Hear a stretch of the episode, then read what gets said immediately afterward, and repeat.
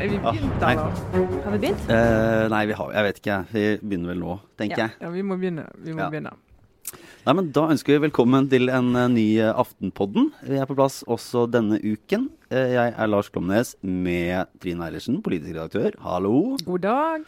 Og kulturredaktør Sara Sørheim. Hallo. Eh, så fint å få ramla inn i dette lille rommet også denne uken. Litt sånn eh, travelt. Kastet sammen litt ting vi har tenkt på, da.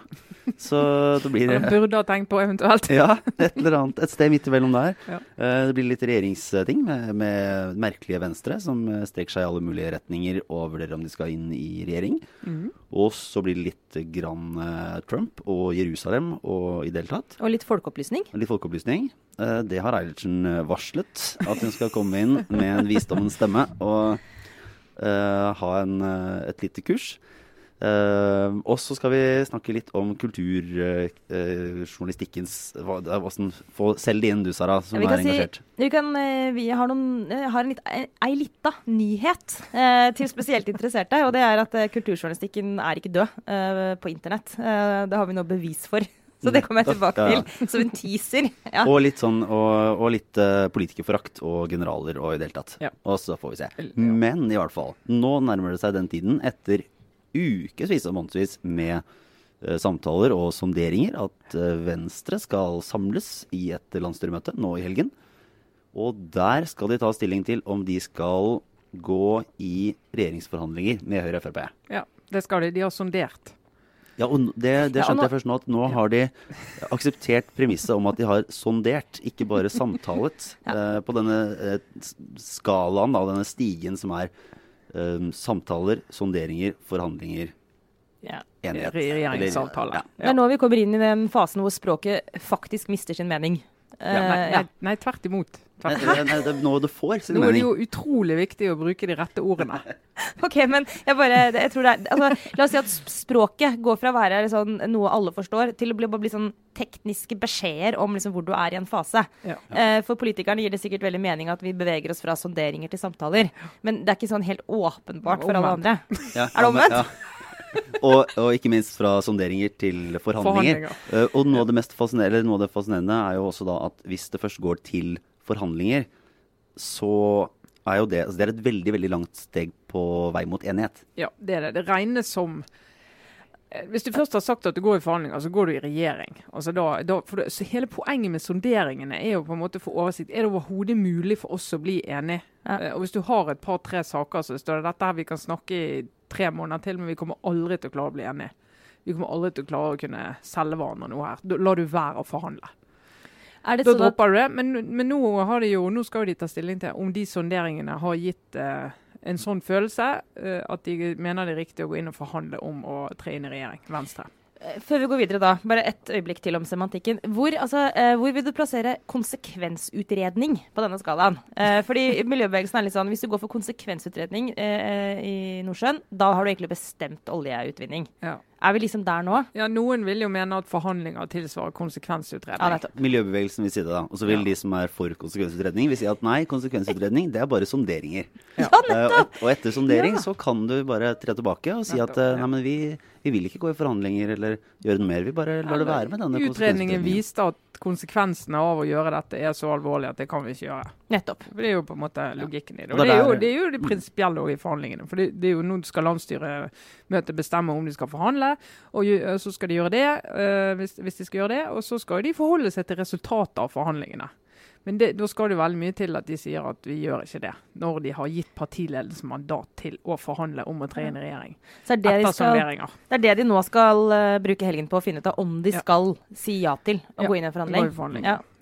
Og, da, og det, kan jo, det kan jo hende de gjør. Jeg vet ikke om de gjør det. Det, det er ikke gitt. Det er jo veldig, det er uenighet i Venstre om det. Eh, noen har vel inntrykk av at eh, vinden har snudd veldig fra altså, fra for ett år siden var helt utenkelig at Venstre skulle ha denne type interne diskusjoner.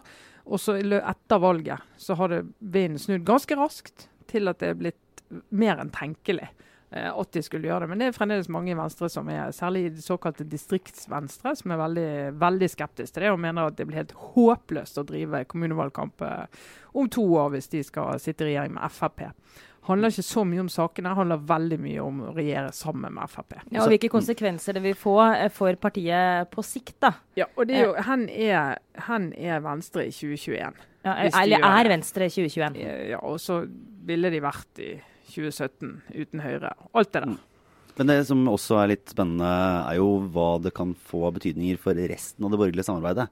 Ja. Eh, for én ting er hva KrF sånn i utgangspunktet ville gjøre og tenke hvis Venstre uh, melder seg på en forhandlingsbit. Men det gir jo også, eller sånn, i hvert fall teoretisk, så, som, så kan det jo skje noen spennende ting hvis, hvis, uh, hvis, Venstre og Høyre og Frp skal bli enige, og forhandlingene kommer til et punkt der Fremskrittspartiet kanskje ikke helt vil være med, altså Det er noe de ikke kan godta. Mm. Da blir det spørsmål hvor mye, hvor opptatt de er av å sitte i regjering også. Ja, og det er ikke, det er ikke uh, altså Erna Solberg er ikke bundet til Frp på den måten at hun sier hvis Frp ikke kan forhandle med Venstre videre, så kan ikke Høyre det. Altså, det, det kan, du kan se for deg en ny dynamikk som kan, altså veldig teoretisk, kan ende med at Frp sier nei, men vi kan ikke ha med på et sånt prosjekt. Eh, vi går tilbake til Stortinget, og så sier KrF nei, men da vil vi være med inn mm. likevel. Altså, det, det Utfallet er det de siste årene har lært oss, er at du kan i hvert fall ikke si helt sikkert hvordan dette går. Det er også et mulig utfall. Et men, mulig utfall. Men det liksom alle i gåseøynene tror, er at Venstre bestemmer seg for å gå inn i forhandlinger? Ja, de, veldig mange tror det. Og så uh, kan det hende at de gjør det, kan hende de går i regjering. Uh, KrF har sagt, og Knut Arild Hareide sier kommer ikke vi til å gjøre. Uh, KrF er i dyp krise. Mm. De eneste som ikke ser det, er KrF sjøl. Altså, det er jo et parti i det komplette mørket.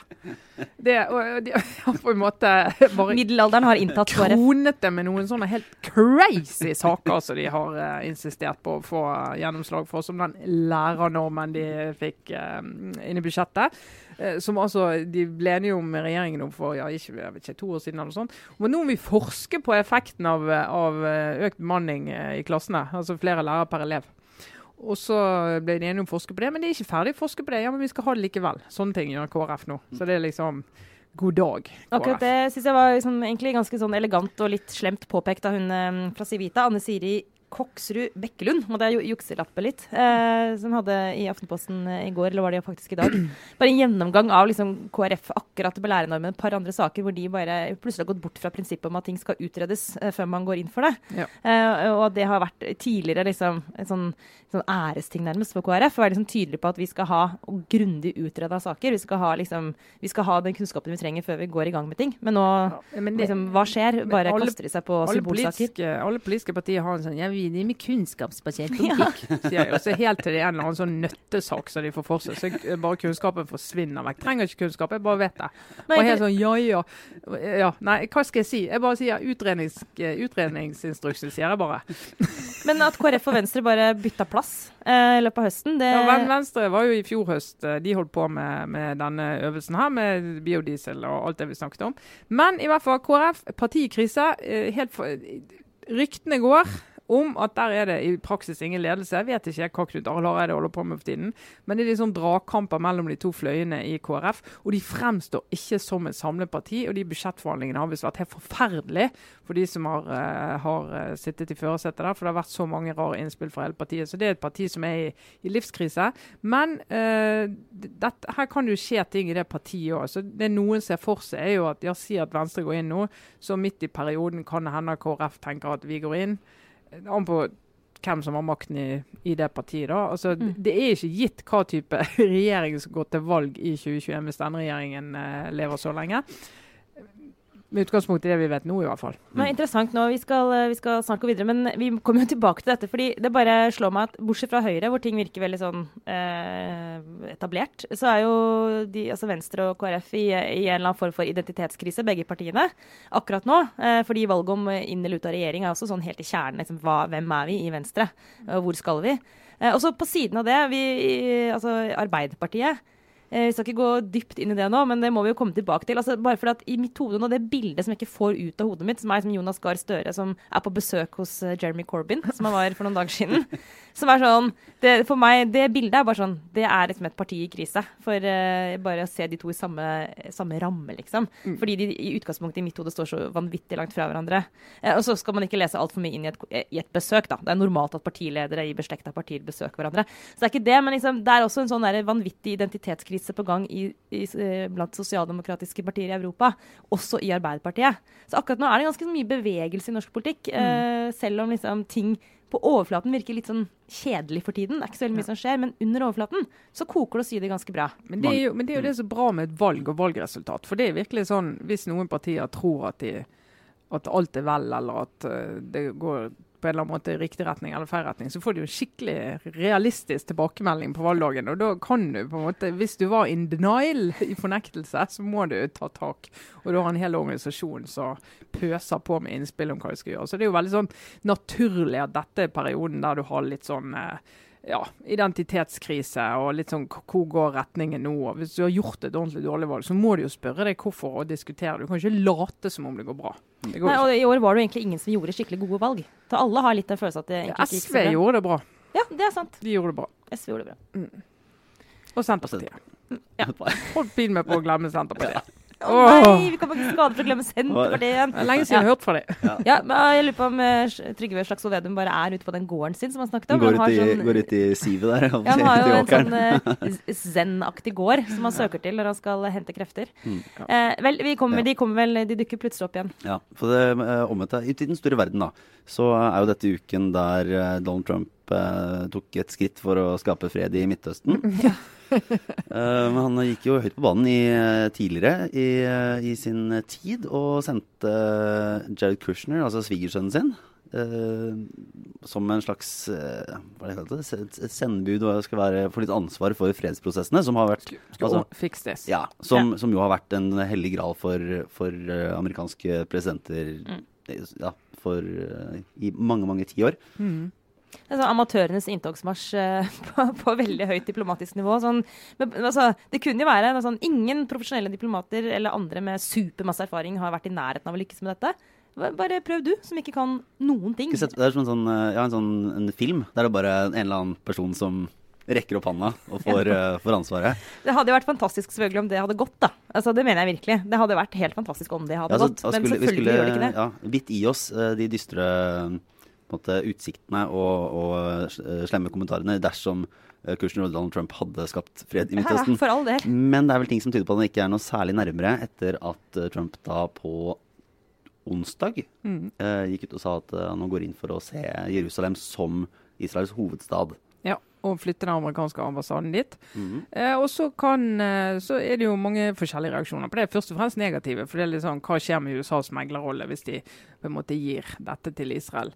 Eh, men det som jo er litt eh, interessant med det, det er jo at alle amerikanske presidenter siden 95, da Kongressen vedtok at dette skal skje, har jo gått til valg på at uh, vi skal flytte ambassaden og vi skal anerkjenne Jerusalem som Israels uh, hovedstad. Og Så har de vært i Det hvite hus i tre kvarter, og så har noen sagt det. Litt sånn som når ferskere kom inn i Finansdepartementet i Norge.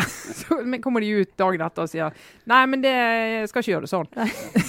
og, så har de, og så har de bare signert en sånn liten uh, dings hver sjette måned og sagt at det det, ikke ennå, ikke ennå, ikke ennå. Og hele grunnen til at de har sagt ikke ennå, for dette er jo liksom eh, for de evangeliske kristne og for en del av jødene i USA, og selvfølgelig for relasjonen til Israel, så er det det å gjøre dette det er virkelig sånn OK, vi er på deres lag. Vi er på deres lag.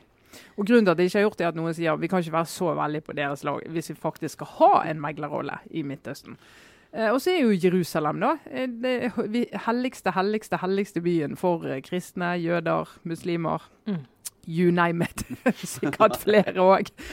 som har ligget der siden lenge før alt. og som de, altså Helt siden 1948. Da fikk jo ikke Israel den gangen heller Jerusalem. Da sa FN at dette er en så viktig by for så mange religioner at den må vi ha internasjonal administrasjon over så eh, invaderte jo Israel eh, og tok hele Jerusalem i 67, 50 år siden. Mm. Eh, og har jo sagt siden da at dette er vår hovedstad. Det her er statsministeren, her er Høyesterett, her er parlamentet. Alt som teller. Vi er her og har, opplever det som sin hovedstad, men ingen i andre har på en måte sagt at, at det er det. For at det ikke skal være for utrolig provoserende for uh, muslimene, særlig da. som har uh, sin moské der. Hellige moské. Unnskyld å avbryte deg, men det var akkurat det med ambassadene. For det virker, så, det virker sånn rart sånn Men er det så veldig farlig hvor ambassaden ligger? Men det er den symbolverdien i at det internasjonale samfunnet har hatt sine ambassader i Tel Aviv, og med ja. det liksom vist at de ja.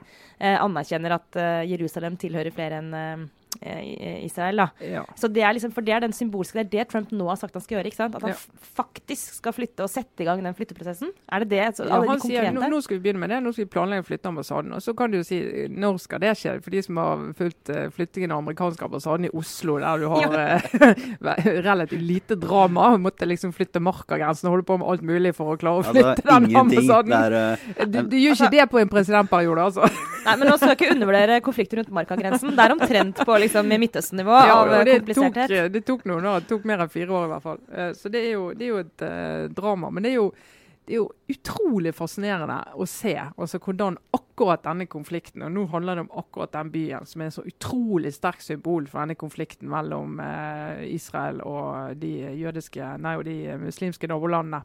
Og manifesterer seg her. men vi, vi kan jo bare trekke den hjem. Altså, den, eh, vi har jo hatt publisert en undersøkelse denne, denne uken Sara, fra Holocaust-senteret. Mm. Som viser at den konflikten lever jo i alle land der du har muslimer, der du har jøder, og så har du si, majoritetsbefolkningens forhold til jøder. Mm. Eh, jøder, så Det fins jo nesten ingen jøder. Så det finnes sånn, det du kaller for sånn ordentlig bekjennende jøder, eller de som sjøl sier det er jøder. Så 14 millioner igjen i hele verden. Sant? Det er jo nesten ingen. Og så er de en så omstridt folkegruppe. Ja, religion. Akkurat det, Helt tilfeldig at disse to tingene skjedde samme uke, men det, men det er en ganske sånn grei påminnelse også om at uh, Midtøsten er langt borte. Og de konfliktene der, vi har vokst opp med de, de har alltid vært der. Man kan få litt sånn tretthetsfølelse knytta til det òg. Sånn, det kommer aldri til å bli noe bedre, og det er bare som rusler og går. Men, men, men akkurat kjernen i, i den konflikten. De tallene som kommer fra, fra Holocaust-senteret nå, som ble publisert, viser jo at det konfliktnivået er høyt her òg. Eh, og eh, altså, misnøyen med jøder og fordommer mot jøder blant den muslimske befolkningen i Norge er veldig veldig høyt. Eh, og det ikke, går ikke i riktig retning. Den generelle antisemittismen liksom, i befolkningen er på vei ned. Også litt mildere former for eh, skepsis og mistenkeliggjøring. Som fortsatt er liksom, det er fortsatt, Jøder blir fortsatt utsatt for det også av majoritetsbefolkningen. Men der går det liksom riktig vei.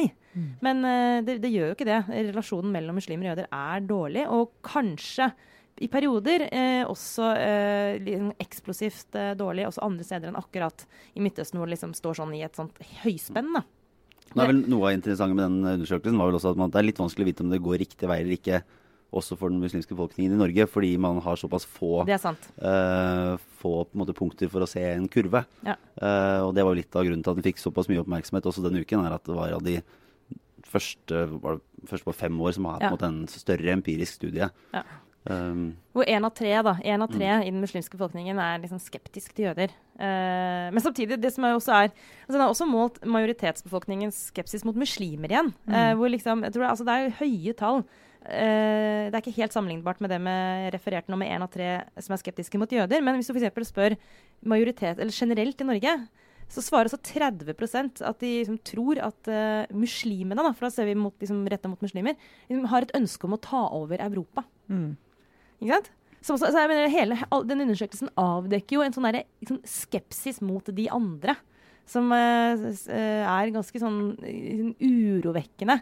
Og som kanskje ikke er oppe i den offentlige debatten her hjemme sånn daglig, men som ligger der som altså, en sånn ja, underlag. Det det jo, altså, om det er oppe i den offentlige debatten Det er jo hva skal jeg si, uh, alle som har posta en nyhetssak på Facebook, i hvert fall, vet at uh, det, er omtrent det er, Hvis det er den derre ja, at alle i hele verden kjenner opp de har sånn syv ledd unna en annen, hvilken som helst annen person på jorda, så er enhver diskusjon uh, to ledd unna en en diskusjon om islam og muslimer og innvandring ja. i Norge. Det liksom ja, det, ja, det er det. Og den, eh, den uh, delen av undersøkelsen omhandlet uh, muslimers holdninger til jøder.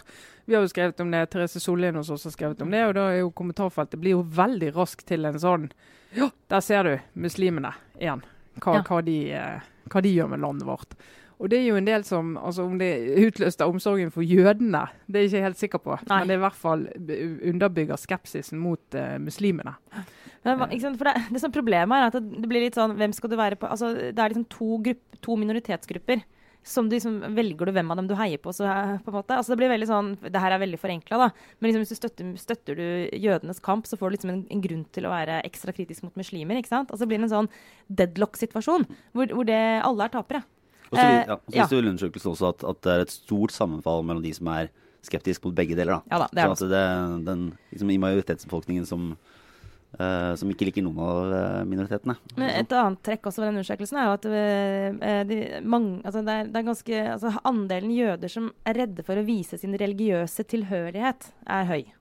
Eh, og høyere enn i muslimsk del av befolkningen. Altså det, å, det å liksom bære symboler, bære sånn u, altså vise tydelig at du, at du er jødisk, det var det ganske mange, bl.a. hun vi intervjuet, som liksom forteller at det, det syns de er eh, litt problematisk. Og det er klart liksom, Vi har religionsfrihet, og det er liksom at det går store grupper i befolkningen og kjenner på at det kan være liksom, faktisk helt sånn konkret risiko ved å tilkjennegi tilkjenne en sånn religiøs tilhørighet. Det er, det, det er som akutt ille. Og Det er også en sånn der, det også ligger der. Det, er, det er sånn som ikke jeg for eksempel, legger nok ikke merke til det, sant? som ikke tilhører den Du minoritetsbefolkningen. som er en del av den minoriteten eliten.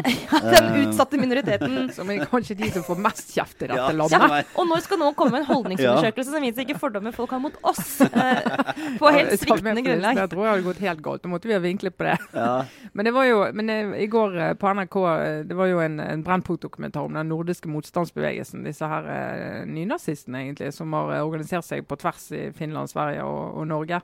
Eh, og måten de jobbet på, veldig interessant. Men det som var, var interessant å, å, å se og høre, det var at hele altså Utgangspunktet for at du skal kunne gå inn i en sånn bevegelse og faktisk argumentere for nasjonalsosialisme, det er at du ikke tror på holocaust. Du Ja. tror ikke på utryddelsesleirene. Du tror ikke på at seks millioner eh, jøder ble drept eh, av, av Hitler-Tyskland. Og, og, og det er jo som Altså, jeg må bare si det. er litt sånn, Da jeg var tenåring og det kom folk på besøk i klasserommet så som faktisk hadde sittet i leirene, for Mm. de levde jo da, og fortalte oss Jeg husker han ene sa det en gang.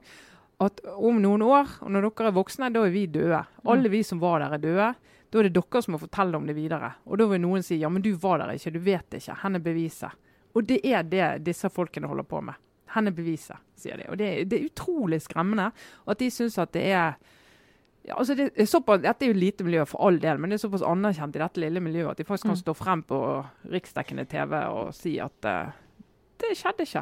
Men dette viser bare, det er en klisjé altså, med at det første som dør i en krig, er sannheten. sant? Eh, som han har sagt. Men altså, det er jo helt Veldig reelt. vakkert sagt. Veldig vakkert. sagt. Ja, Få gåsehud, liksom. Det er også kulturfolk. Vi har liksom alltid et visdomsord på lur.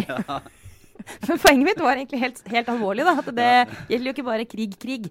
Dette er jo en kulturkrig, eller hva skal kalle det for noe. Altså, det er bare, det er veldig kort, uh, tynn, tynn hinne mellom opplyste, kunnskapsrike mennesker som har en saklig diskusjon, og liksom mayhem, hvor du bare lar alle fordommer og mistanker og konspiteorier liksom lede deg an. da. Så bare, Så ser Det er jo en rett, evig rett, kamp. ja, rett tilbake i amerikansk politikk, der noen måte, som, ikke, ja, som er ideologiske fronter, blir så steile at, at folk på begge sider tror på ting som Absolutt ikke har skjedd, det som er, altså, tyr til den eh, type konspiranoia. Da. Men dette, og også som vi alltid ender opp med å si når vi snakker om Trump, men som også er liksom, det jeg lurer på nå, er sånn ja, men Blir det noe mer enn symbolikk? Ikke sant? For han sier etter hvert så mange drøye ting som bryter Han bryter jo stadig nye grenser for hva som egentlig går an å si som president. Eh, og akkurat dette her altså det er liksom i går liksom, når paven sjøl liksom reagerer på noe du har sagt og sier sånn Vær så snill å trekke det tilbake. Så øh, hvis ikke det heller hjelper, liksom Jeg tenker sånn, Hvis paven hadde sagt til meg sånn Nå må du Dette, dette går ikke. Og, så, Så, eh, og du da, paven. Ja. Bare, bare, bare Guds sendebud, liksom. Han sitter jo ikke til i stol, han heller, men det kan vi snakke om en annen gang. Men Det er jo ingenting som gjelder lenger. Men gjelder dette Du, som har, du har jo faktisk eh, lest opp litt her, Trine. Altså, er det liksom, eh, kommer dette til å Må vi forholde oss til dette helt reelt? Ja, altså, altså, Vi må jo forholde oss til det. I hvert fall på den måten at når den amerikanske presidenten har sagt det, så utløser det noe i regionen som ikke Det er ingenting som tyder på at dette bidrar til noe godt. Det er godt vi har um, noe å stole på, som alltid vil være der. Um, kulturjournalistikken og den gode kritikken. Sara Sørheim, du har kastet deg inn i Har du ikke rota deg inn i en debatt? Jeg har det. Eller det vil si, jeg har, har egentlig, det blir jo premiere på det her, da, for jeg har skrevet et innlegg som blir publisert i kveld, tror jeg. Det er interessant å si et innlegg når du er fast ansatt i avisen. Et åndsverk. ja. Unnskyld. Nei, jeg skal, ikke, jeg skal, ikke, plage dere lenge med, med dette, men altså, det er bare noen ganger litt sånn at apropos kunnskap og fordommer Eh, som mange av lytterne kanskje vet, så driver jeg jo egentlig med som My day job er jo egentlig kulturjournalistikk. Snakker ikke så mye om det alltid her i poden. Eh, men, eh, men, det er jo en sjanger som har blitt liksom dødsdømt en rekke ganger. Og det har vært en sånn oppfatning, og til dels er fortsatt en oppfatning, om at med internett og digitale medier så forsvinner liksom veldig mye av den klassiske gode journalistikken, som er litt smalere, da. Eh, Klassekampen har kjørt en serie i høst, tror jeg har nevnt den her tidligere, om liksom kulturjournalistikk og anmelderi i liksom klikk-knipe, eh, tror jeg de kaller det. Altså den jakten på klikk på internett. Eh, som går utover liksom, den type journalistikk. da. Det, det bare så fascinerende. Ja. Nei, fortell. Nei, altså Jeg bare blir så oppgitt. For det er liksom, for det første en sånn grunnleggende skepsis mot at uh, ting som uh, Altså det å treffe mange, og det å ønske å treffe mange med journalistikken sin, automatisk er en trussel mot all kvalitet. Det er nå én ting. Det, det, er en sånn skepsis mot folk flest som uh, jeg bare kjenner at jeg irriterer meg over. Men tingen er at når vi nå måler hva som skjer med kulturjournalistikken, så har vi siste halvåret i Aftenposten jobba ganske sånn systematisk med å se på hva slags saker er det folk vil betale for å lese. Uh, og det er jo det som er viktig for oss nå, er jo å få folk til å betale for å lese Aftenposten. Og det kan vi jo snart leve av, om ikke 100% Vi trenger fortsatt litt annonser og sånn, men vi ser jo nå at her har jo ting endret seg masse de siste årene. Folk mm. er villige til å betale for uh, kvalitetsjournalistikk. Og også viser det seg, da, for kulturjournalistikk. Bare vi gjør den litt bedre. Vi kommer ikke unna med hva som helst. Vi er nødt til å skrive saker som er litt mer tilpassa lesernes modus enn liksom vårt eget. Men hvis vi gjør det, så ser vi da, og det var det som var min bitte lille nyhet, da, det er at vi har, ser nå har vi fått tallene tilbake fra siste halvårets eh, testing. Eh, og kulturjournalistikken lever også i beste velgående. Det er blant våre saksområder som i periode nå har solgt flest abonnementer. Og vi ser at våre faste lesere leser mye. Og det gjelder også da anmeldelser som har vært liksom aller mest dødsdømt. da. Men, det, men dette, er, dette, er, viktig. altså For de som hører på her, de er jo mediebrukere, regner jeg med. Og bare det å få med seg at neste gang du hører ordet klikkhoreri, så skal du tenke Nei, hva var det de sa om det på Aftenpodden? Jo, det vi sa var klikkhoreri er dødt. Det sa vi. Eh, men altså, og Jeg skjønner hvorfor folk tror at det er et uh, levende begrep. For det er ikke mange år siden de, de, fleste av oss så for oss at vi skulle leve av annonsevisninger på nett. Mm. Altså må du ha flest mulig klikk på en sak, sånn at en annonse blir vist flest mulig ganger, sånn at du får best mulig betalt for den. Akkurat som opplag før mest mulig opplag gjorde at du fikk høyest mulig pris for annonsen din fordi at flest mulig fikk sett annonsen. Sånn har det alltid vært i 150, 60, 70, 250 år for Adresseavisen sin del. Eh, det har vi funnet ut at eh, det er bare noen som overlever ordentlig på den modellen, og det er de aller aller største. Ja, Alle VG, de andre, VG i Norge ja. kan gjøre det, det Dagbladet til en viss grad. Men selv de er nødt til å finne journalistikk som brukerne vil betale for. De betaler ikke for uh, tullesaker som alle andre har. De betaler ikke for lettvint journalistikk. De betaler for grundig journalistikk som de tenker OK, nå kom den uh, betalingskjøpsplakaten opp på min uh, telefon eller på min Mac. Uh, jeg trykker kjøp, for den saken er såpass viktig for meg å lese. Hva saker er såpass viktig for deg å lese? Det er jo ting du vet du ikke får andre mm. steder, eller som du mener er viktig for deg å, å, å, få vite noe om. Altså, og da er viktig for deg å få vite noe om. Ja, og, det, og det er så good news, vet du, at det går nesten ikke an. Altså, jeg har, må bare si, altså det, eh, Bortsett fra å lage Aftenpodden, som er det morsomste jeg gjør på jobben, så må jeg si at når jeg ser liksom på hvordan medieøkonomien fungerer nå, og på vår forretningsmodell, så blir jeg direkte oppløftet. For første gang siden jeg begynte den der dødsdømte bransjen her. Jeg kom vel inn, jeg husker jeg begynte i Dagbladet første året de begynte å si opp folk i Dagbladet. Det var, sånn, det var min start på dette yrkeslivet. Og siden det så har jo nedbemanninger osv. vært liksom en gjentagende greie. Men, men, så det har ikke vært så veldig mange lyspunkter. Men nå må jeg bare si at eh, det at vi kan se at folk betaler for kvalitetsjournalistikk, det er så superoppløftende. Mm. Og da er det viktig at folk der ute ikke driver og tror på sånne forfallshistorier, som, som særlig fra kulturlivet, faktisk. Hadde, Eller fra din for... Uh, hva skal jeg si? Knut Olav Åmås, eh, en høyt respektert tidligere kollega og en, en, en, bra mann. Men han uh, hadde en artikkel i Aftenposten uh, nå på søndag, var det vel, hvor han nettopp beskrev liksom, hvordan anmelderiet og kritikken liksom, er i total krise, og at utviklingen går i feil vei. og at denne sjangeren ikke har fått et løft i mediene i det hele tatt de siste årene, mens kulturlivet generelt liksom blomstrer, så har liksom mediene bygget dette ned. da. Og det er feil. Det stemmer ikke. Vi har ikke bygget det ned. Vi jobber med det hver dag og prøver å gjøre det bedre. Og leserne betaler for det. Altså vi, vi har, folk betaler for å De kjøper abonnement på Aftenposten for å lese en anmeldelse av Ole Robert Sunde eh, sin roman, sant? som er en relativt smal norsk samtidsforfatter. Men det går bra. Det, det, kom, altså det er fortsatt mye å gjøre, liksom. Men det, det er ikke noe sånn det, Hva heter det for noe? Ryktet om kulturjournalistikkens død er liksom betydelig overdrevet. Så, som de Det var godt å få sagt det. Takk for tålmodigheten. Ja, så ålreit. Jeg kan jo jeg kan jo bare fortsette med en, en kort, liten obligatorisk refleksjon. da. Uh, siden det er egentlig det segmentet vi er inne i her, uh, som er litt mer pessimistisk. Eller kanskje optimistisk. Det kommer an på uh, hva, slags, hva slags menneske man er. Men den smått sjokkerende og utrolig kule og litt skremmende nyheten fra i dag om at Googles hva skal jeg si, avdelinger, jeg vet ikke helt hva det heter engang, kunst, for kunstig intelligens. Altså De har noe som heter, da, heter DeepMind. Og denne DeepMind har de da satt til, litt sånn for moro skyld, til å drive med noe sånne spill. Ja. Eh, herunder sjakk. Og da var det sånn at de nå kunne bare taste inn liksom, Lære denne datamaskinen reglene for sjakk. Og så, i løpet av fire timers så spilte den datamaskinen med seg selv da, i fire timer og på måte, eksperimenterte. Eh, og etter fire timer så slo den da verdens beste sjakkdatamaskin. Altså en sjakkdatamaskin som er programmert av mennesker Ja. for å være optimal i sjakk. Fikk grisehjuling av en kun kunstig intelligens-maskin. ting. En algoritme. Algoritme, ja. En Som da hadde øvd seg i uh, en, noen timers tid. Men det er faktisk ganske scary, fordi eh, Og lærte seg selv altså, ja. Er det good news? dette er gode nyheter. Ja. Dette er fantastisk. Dette kommer til å bli helt fantastisk kunstig intelligens. Nå tester de masse, prøver å finne ut hvordan vi skal bruke det, og så, og så få eh, oppmerksomhet rundt det. Nettopp ved å få sånne som oss, liksom Wow! Og hva skjer nå? Men det er utrolig mye bra du kan bruke det til. Jo, men det som vi, da må vi i så fall bare, uh, bare liksom leve med at de, eller hva man skal kalle det for noe, kommer til å bli smartere enn oss. Jeg, har hørt, jeg hørte et annet eksempel fra, også fra Google. De har et sånt ansiktsgjenkjenningsprogram eh, som, som skal være sånn at du kan liksom, ganske kjapt vise et bilde til en datamaskin. Finne ut av hvem, hvem, er, hvem er dette. Og Det er basert på kunstig intelligens og det som heter machine to machine learning. Eller noe sånt noe, på godt norsk. Eh, poenget var at de har satt opp to sånne maskiner som som snakker med hverandre eh, på kunstig intelligens. Eh, veldig folkelig forklart. Jeg skjønte overhodet ikke detaljene. Men poenget er at de maskinene hjelper hverandre til å bli bedre.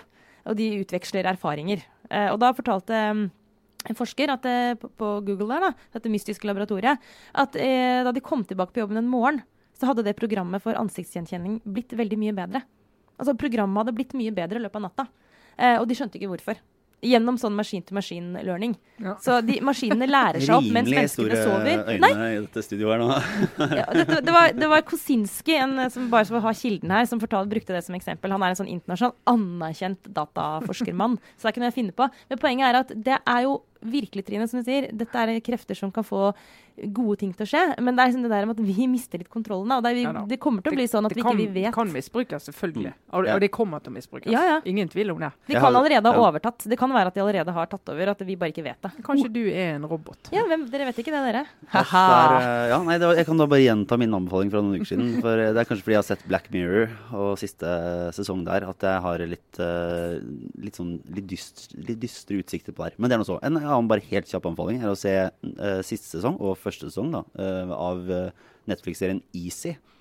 Som er halvtimes små, veldig veldig menneskelige mm, episoder om en gruppe mennesker eh, i Chicago.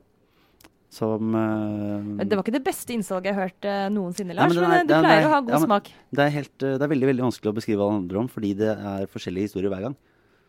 Men den kan anbefales, da. Og, og sånn hyggeligere. Hyggeligere. Men, Men, eh, men da må jo jeg bare kjapt anbefale Kevin Vågenes sin parterapi på NRK. Har du sett det? Herregud, som jeg har ledd av det. Ja, jeg bare kom på det nå, ikke forberedt, men jeg tenkte små snutter. Parterapi, Kevin Vågenes. Men det er kanskje utrolig vittig. Vi kan ikke småprate oss ut av dette før vi har tatt eh, Vi må innom en siste irritasjon før vi legger på røret, må vi ikke det, Trine? Aller siste. Ja, irritasjonene. Altså, jeg leste jo eh, Kjetil Alstein på lørdag, som eh, egentlig begikk et karakterslakt av tidligere general Robert Mood. Ja. på kommentarplass i DN, og så tok utgangspunkt i boken han skrev. Så tenkte jeg jøss, det, det var voldsomt. Jeg har ikke lest boken, men jeg har fått den, så den har ligget her. Så leste jeg boken. og så tenkte jeg Ja, men i jøsse navn, da! Hva er dette for noe? Nei, men altså, Det, det Kjetil Alstheim eh, er opptatt av, det at eh, Robert Mood eh, driver med egentlig litt sånn forjævlisering av norsk politikk. Mm. Eh, og egentlig omtaler og generaliserer veldig norske politikere som veldig sånn kortsiktige, enøyde, selvopptatte mennesker som ikke klarer å ta tak i en eneste alvorlig problemstilling, og som eh, bare er opptatt av å vinne neste valg. En veldig sånn ja, dystopisk bilde av norsk politikk. og han sier at Hvis du bruker din autoritet som general og som liksom sjef i Røde Kors og litt sånn høyt aktet eh, person i Norge til å snakke om politikk, så kunne du kanskje vist frem noen flere nyanser. For eksempel, vist litt mer eh, interesse og respekt for ungdomspolitikerne våre, Mm. som han også, også eh, ikke omtaler særlig i rosende ordelag. Men det som jeg bet meg merke i, for altså jeg er helt enig med det som, eh, som eh, Kjetil Alstheim skrev der, det er jo altså det Robert Mood gjør, og som han ikke er alene om å gjøre, tror jeg, og det er ikke bare i militæret, men det er også altså folk fra politikken, folk fra næringsliv, folk fra altså offentlig sektor, fra departement, det er å ta en ledelsesmodell fra en sektor og så sier, tror tro det at jeg er en god leder i denne sektoren. Jeg er en god general.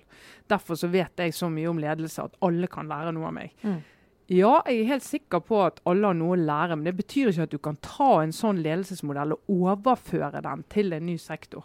Du kan ikke bare komme fra f.eks. næringsliv og privat sektor og tro at du kan lede et departement. Eh, eller en organisasjon, eller, eller et parti.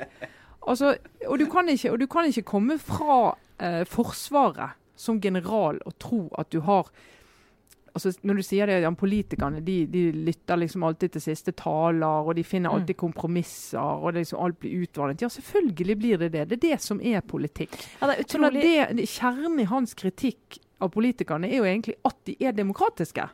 Og det syns jeg er en veldig spesiell kritikk som kommer fra en mann med hans status og standing i Norge. At han på en måte slakter norske politikere for å være politikere og si at de ikke er opptatt av de langsiktige utfordringene. De klarte å lage oljefondet forsvingende. Det er jo kanskje de politikerne i verden som har best track record på å klare å tenke langt. De klarte å vedta pensjonsreformen. Det var ingen som sto og ropte etter den. Klarer, han har klart å lage kommunereform, bare for å nevne noe helt tilfeldig. Altså, De klarer jo å, å, å ta på seg den oppgaven. Det. De har klart å lage et utdanningssystem, et skolesystem som er gratis for alle, som favner alle. Vi har et helsevesen som er gratis favner alle. Som er all in all, når du ser med fugleperspektivet, er knallbra. Og så skal han si at norske politikere er altså, jeg, jeg, jeg, Jobben min er å kritisere norske politikere. men det må jammen være mer konkret og bedre begrunnet og mindre floskelpreget enn dette. Så Robert Mood, skriv en ny bok. Det var, jeg Takk bare og farvel. bekrefte at eh, Trine satt og grynta på sånn irritert måte i går. Jeg skjønte at hun holdt på med et eller annet som hun ble sur av, og det, da satt hun og leste den boken. Eh, det er også fascinerende å tro at liksom, det at det fins en vinner og en taper, og at ting er svart-hvitt jeg, jeg, jeg er sikker på at det gjør det. Altså, I krig så er det liksom et poeng å vinne, eh, men i politikken så er kompromisset og pragmatikken er jo vinnerdistansen. må være på en måte, Men bare for, Ja. å si ikke, for å tro at det er liksom et avskrevet Robert Mood, for det gjør jeg ikke. Jeg synes Det er interessant hans historie om, om, eh, om, eh, om sin karriere og blikket hans på norsk forsvar. Men det er klart han er veldig preget av skuffelsen over at norsk forsvar ikke har vært på toppen av Ja. budsjettene. F.eks. etter at den kalde krigen eh, døde hen, og det var det hele 90-tallet, gått opp i 2000-tallet, så var jo ikke norsk forsvar veldig eh, prioritert. Det er ikke veldig rart at du sier i den perioden at nei, vi vil heller ha økt eh, foreldrepermisjon, vi vil ha barnehagedekning, vi bruker pengene på sånne ting, fremfor å bruke det på forsvar i den perioden av verdenshus, så sånn som man gjorde. Og så selvfølgelig Bitterheten er at det tar veldig lang tid å bygge opp et forsvar. Så når vi da plutselig mener når vi trenger det, så har vi ikke det vi trenger. Og Den, den bitterheten og sorgen fins gjennom hele Forsvaret. Men det er ikke ensbetydende. Norske politikere er ubrukelige på alle områder. altså. Men den der trangen til å universalisere For at du personlig er misfornøyd med noe, så tar man det som utgangspunkt og bare liksom dømme hele samfunnet nord og ned. Det er jo en sånn egen sjanger det, for menn i en viss alder. Eh, de bruker det som en slags sånn selvterapi. Og veldig ofte kildeløst også. Sånn der, jeg trenger ikke, den, denne analysen den har jeg sugd av eget bryst, for det, det er det beste brystet man kan suge ting av. Og, nå, Dessuten har jeg møtt mange som mener det samme. ja, og i middagsselskapene jeg går i på Vinneren, så er alle enige med meg. Så sånn er det. Og dessuten så er det for høy innvandring til Norge. Altså, det er eh, passe spennende å høre på. La meg si fra om det er på Facebook. Ja. Ja. Uh, Yes. nei, da, da, var, da var lista nesten tom, tror jeg, Lars. Ja. eh, det var egentlig mange andre ting vi kunne snakket om også denne uken. Uh, men jeg tror vi skal la det ligge med det. Gå tilbake til arbeidslivet. Og ønske alle god uke og i det hele tatt. Følg oss på Facebook, og kom gjerne med tilbakemeldinger og innspill. Og så sier vi vel at det er nok. Ja. Takk for den. Trine Eilertsen, Sara Sørheim, jeg er Lars Klomnes. Ha det bra.